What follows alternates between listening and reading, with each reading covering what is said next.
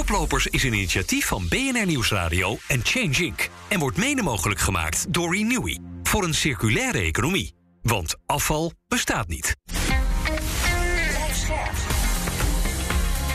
BNR Nieuwsradio. Koplopers. Donatello Piras en Werner Schouten.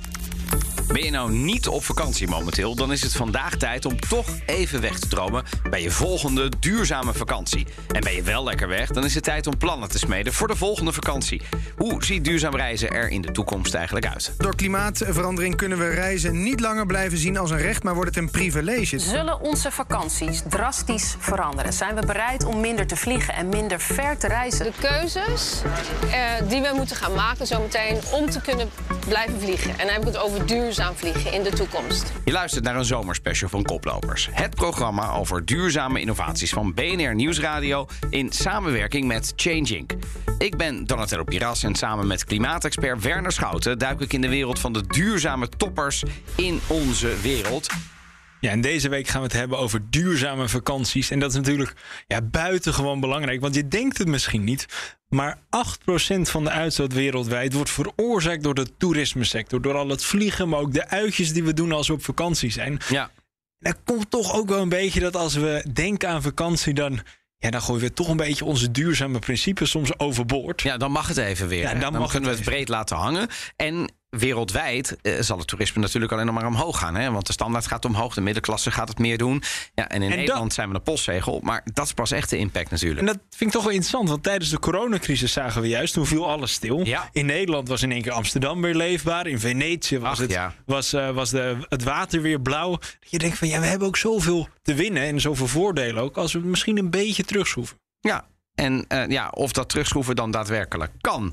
Ja, dat gaan we eh, in deze uitzending van Koplopers bespreken. Onder andere in het gesprek dat Lisbeth Staats en jij, Werner, hadden eerder met Matthijs ten Brink. En hij is de CEO van Sunweb. Hij roept op om minder te vliegen en wil met Sunweb in de toekomst meer duurzame reizen aanbieden. Welkom Matthijs. Jij bent in 2019 overgestapt van Transavia naar Sunweb. Dus van een airline naar een vakantieorganisatie. Nu pleit je voor nog minder vliegen. Ehm, ik zie een ontwikkeling, klopt dat? Ja, ik denk dat het de ontwikkeling van de wereld is. En, en daarin ga je als persoon ook, denk ik, mee. Maar wat ik, wat ik nu zeg, heb ik eigenlijk ook altijd in Transavia gezegd. Dat klinkt vreemd, maar het is eh, dezelfde boodschap.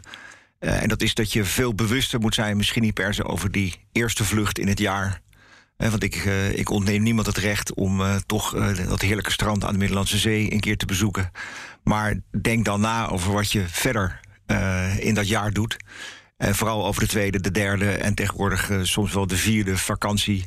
Of denk na over andere dingen die je in je leven doet. Zodat je ja, probeert eh, je totale footprint als mens omlaag te krijgen. Maar hoe ziet dat er concreet uit? Want dan verkoop jij dus minder vluchten. Ja, en gelukkig zit ik in, in de business van vakanties en niet in, in de vluchten. We hebben natuurlijk wel een heel groot deel vluchtgebonden vakanties. En ik geloof heel erg dat het onze verantwoordelijkheid is als, als aanbieders om een goed betaalbaar, kwalitatief hoogstaand alternatief te bieden. En klanten bewust te maken van de impact van hun eigen keuze. Dus ik geloof niet zozeer in verbieden. Eh, ik denk niet dat we daarmee echt een, eh, een langblijvende gedragsverandering eh, tot elkaar krijgen. Maar vooral in verleiden. En dat verleiden gaat dan vooral over echt betaalbaar goede alternatieven. Dichter bij huis, eh, andere manieren van transport. We introduceren ook een beetje het begrip slow travel. Waarbij eigenlijk de reis alweer onderdeel wordt van de beleving. In plaats van dat die beleving eigenlijk pas begint als je de deuren van het vliegtuig open doet. en je die warme Middellandse Zee lucht over je heen krijgt. Dat is voor heel veel mensen het begin van de vakantie. Ja, dat moet eigenlijk eerder. Nou, ik, ik nam even de proef op de som gisteren. Ik, ik keek naar alle deals die je kunt maken. En ja, wat ik voorbij zag komen op jullie website van Sunweb... zag ik vooral Algarve, Egypte, Kos, Kreta. Stuk voor stuk geen bestemmingen waar je met de auto, bus of trein kan komen. Nee, nou, dus sommige dan nog weer net wel. Hè. Ik denk dat de Algarve uiteindelijk op den duur wel bereikbaar moet zijn. Oké, maar je begrijpt het Kreta wordt wat ingewikkelder en dat is natuurlijk ook een grote bestemming. Nee, dus we zijn nog lang niet waar we zijn. Hè. Dus ik vind de, de Maar dat is dan toch de kortste klap om direct die promotie aan te passen? Ja, nou ja, de titel van het programma vind ik daarom ook wat ingewikkeld om te zeggen. Wij zijn een koploper als Sunwebgroep. Want dat zijn we gewoon niet. Weet je, ik, ik, ik heb me wel uitgesproken over het moet anders. Maar er zijn bedrijven die al veel verder zijn in dat denken. Maar tegelijkertijd, wij, wij dienen ook echt zeg maar, de, de gemiddelde Nederlander. eh, meer dan een miljoen klanten. En eh, voor je die met z'n allen op een andere manier aan het reizen krijgt... eh, zonder dat wij onszelf meteen failliet verklagen... ja, dat, dat vergt gewoon tijd. Maar je zei net dat, ehm, van ja, het, reizen op zich moet ook onderdeel worden van de hele beleving. Van het Ja. hele idee van vakantie hebben. Dus in de trein zitten hoort erbij.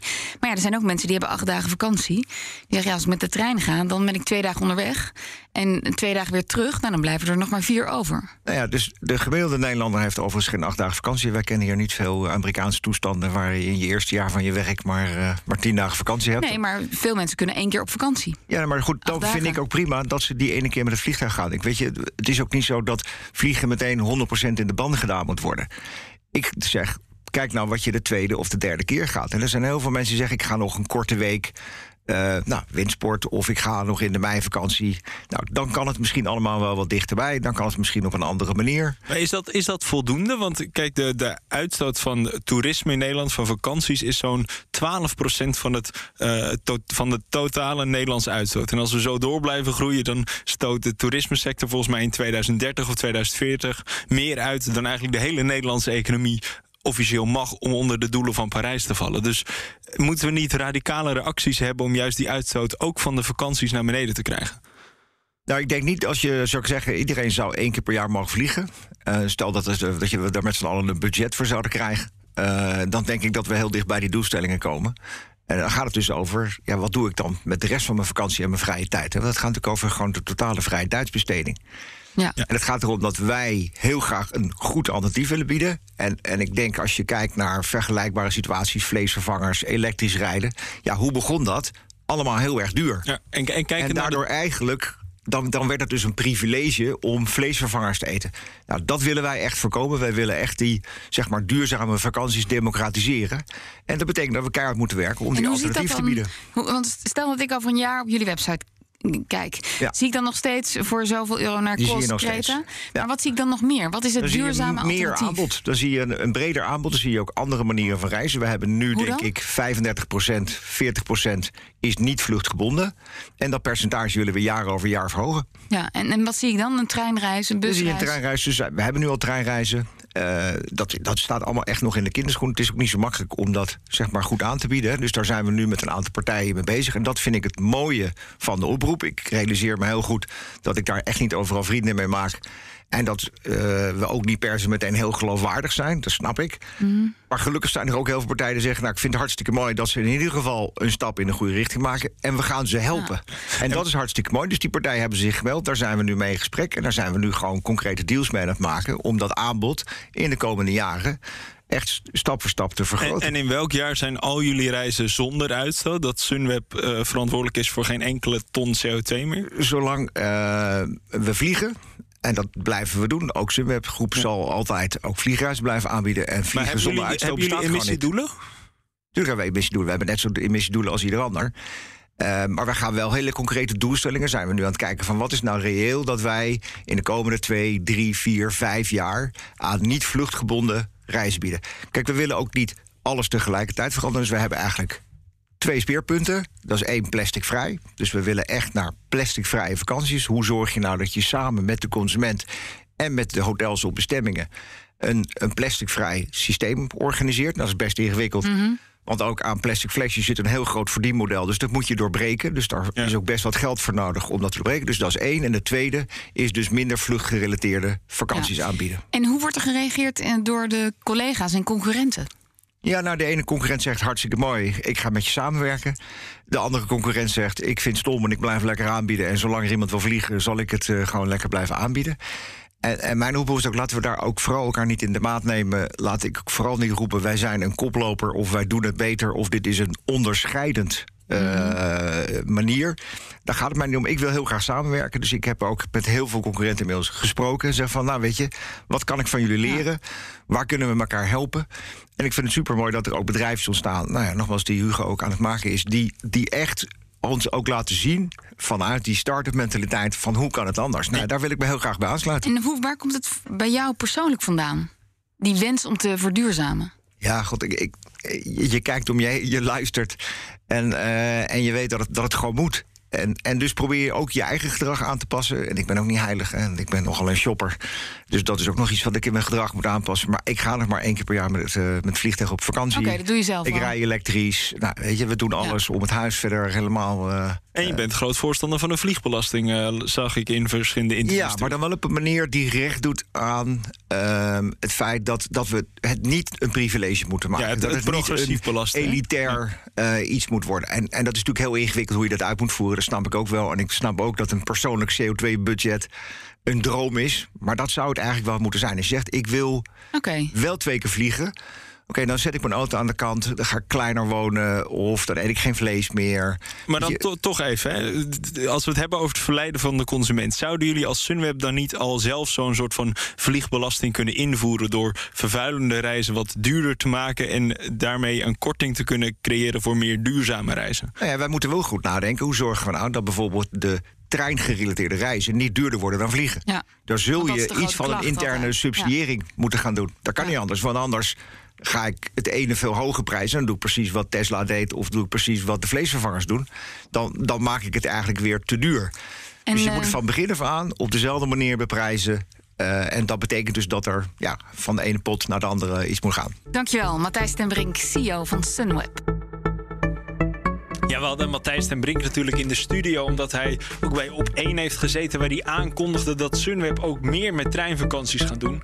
En uh, ja, in de aflevering zeiden we van... toen zagen we nog weinig treinvakanties op de website staan. En ik heb ja, een aantal maanden later nog even de proef op de som genomen.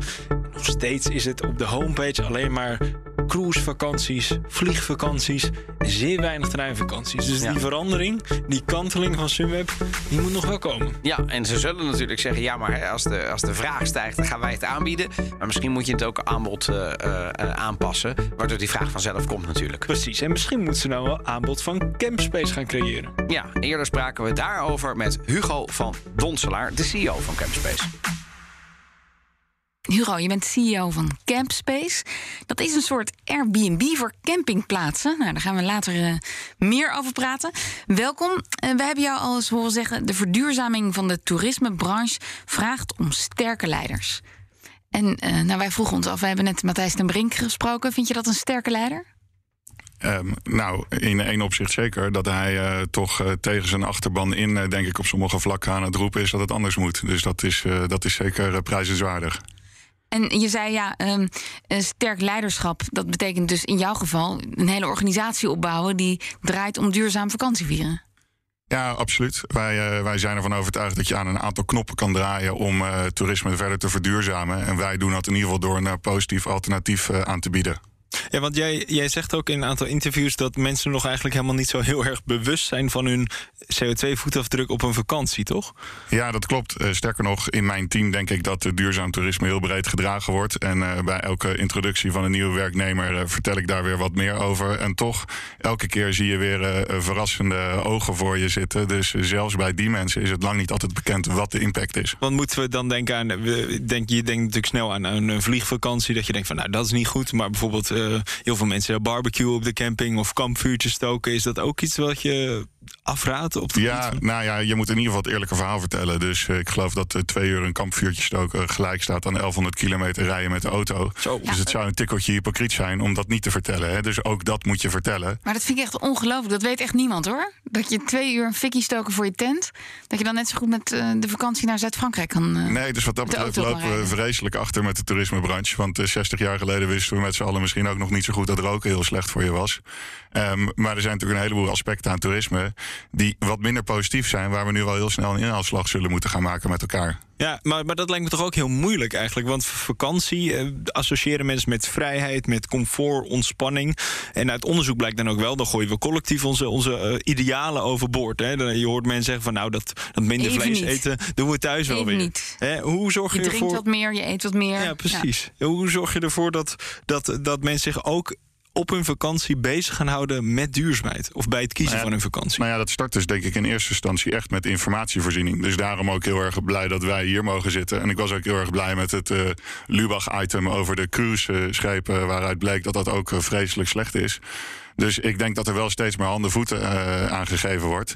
En ja, wij doen dat vooral door niet de hele tijd te roepen wat allemaal slecht is, maar door vooral aan te geven van dit is een stuk beter. En uh, daarin staat nou ja, niet alleen kamperen, maar outdoor toerisme dicht bij huis is daarin gewoon een van de koplopers uh, als het gaat om zo min mogelijk CO2-uitstoot. Want ik noemde het net al even ja, Airbnb voor uh, kamperen. Je schudt al een beetje bedenkelijk. Leg even uit, wat is het precies?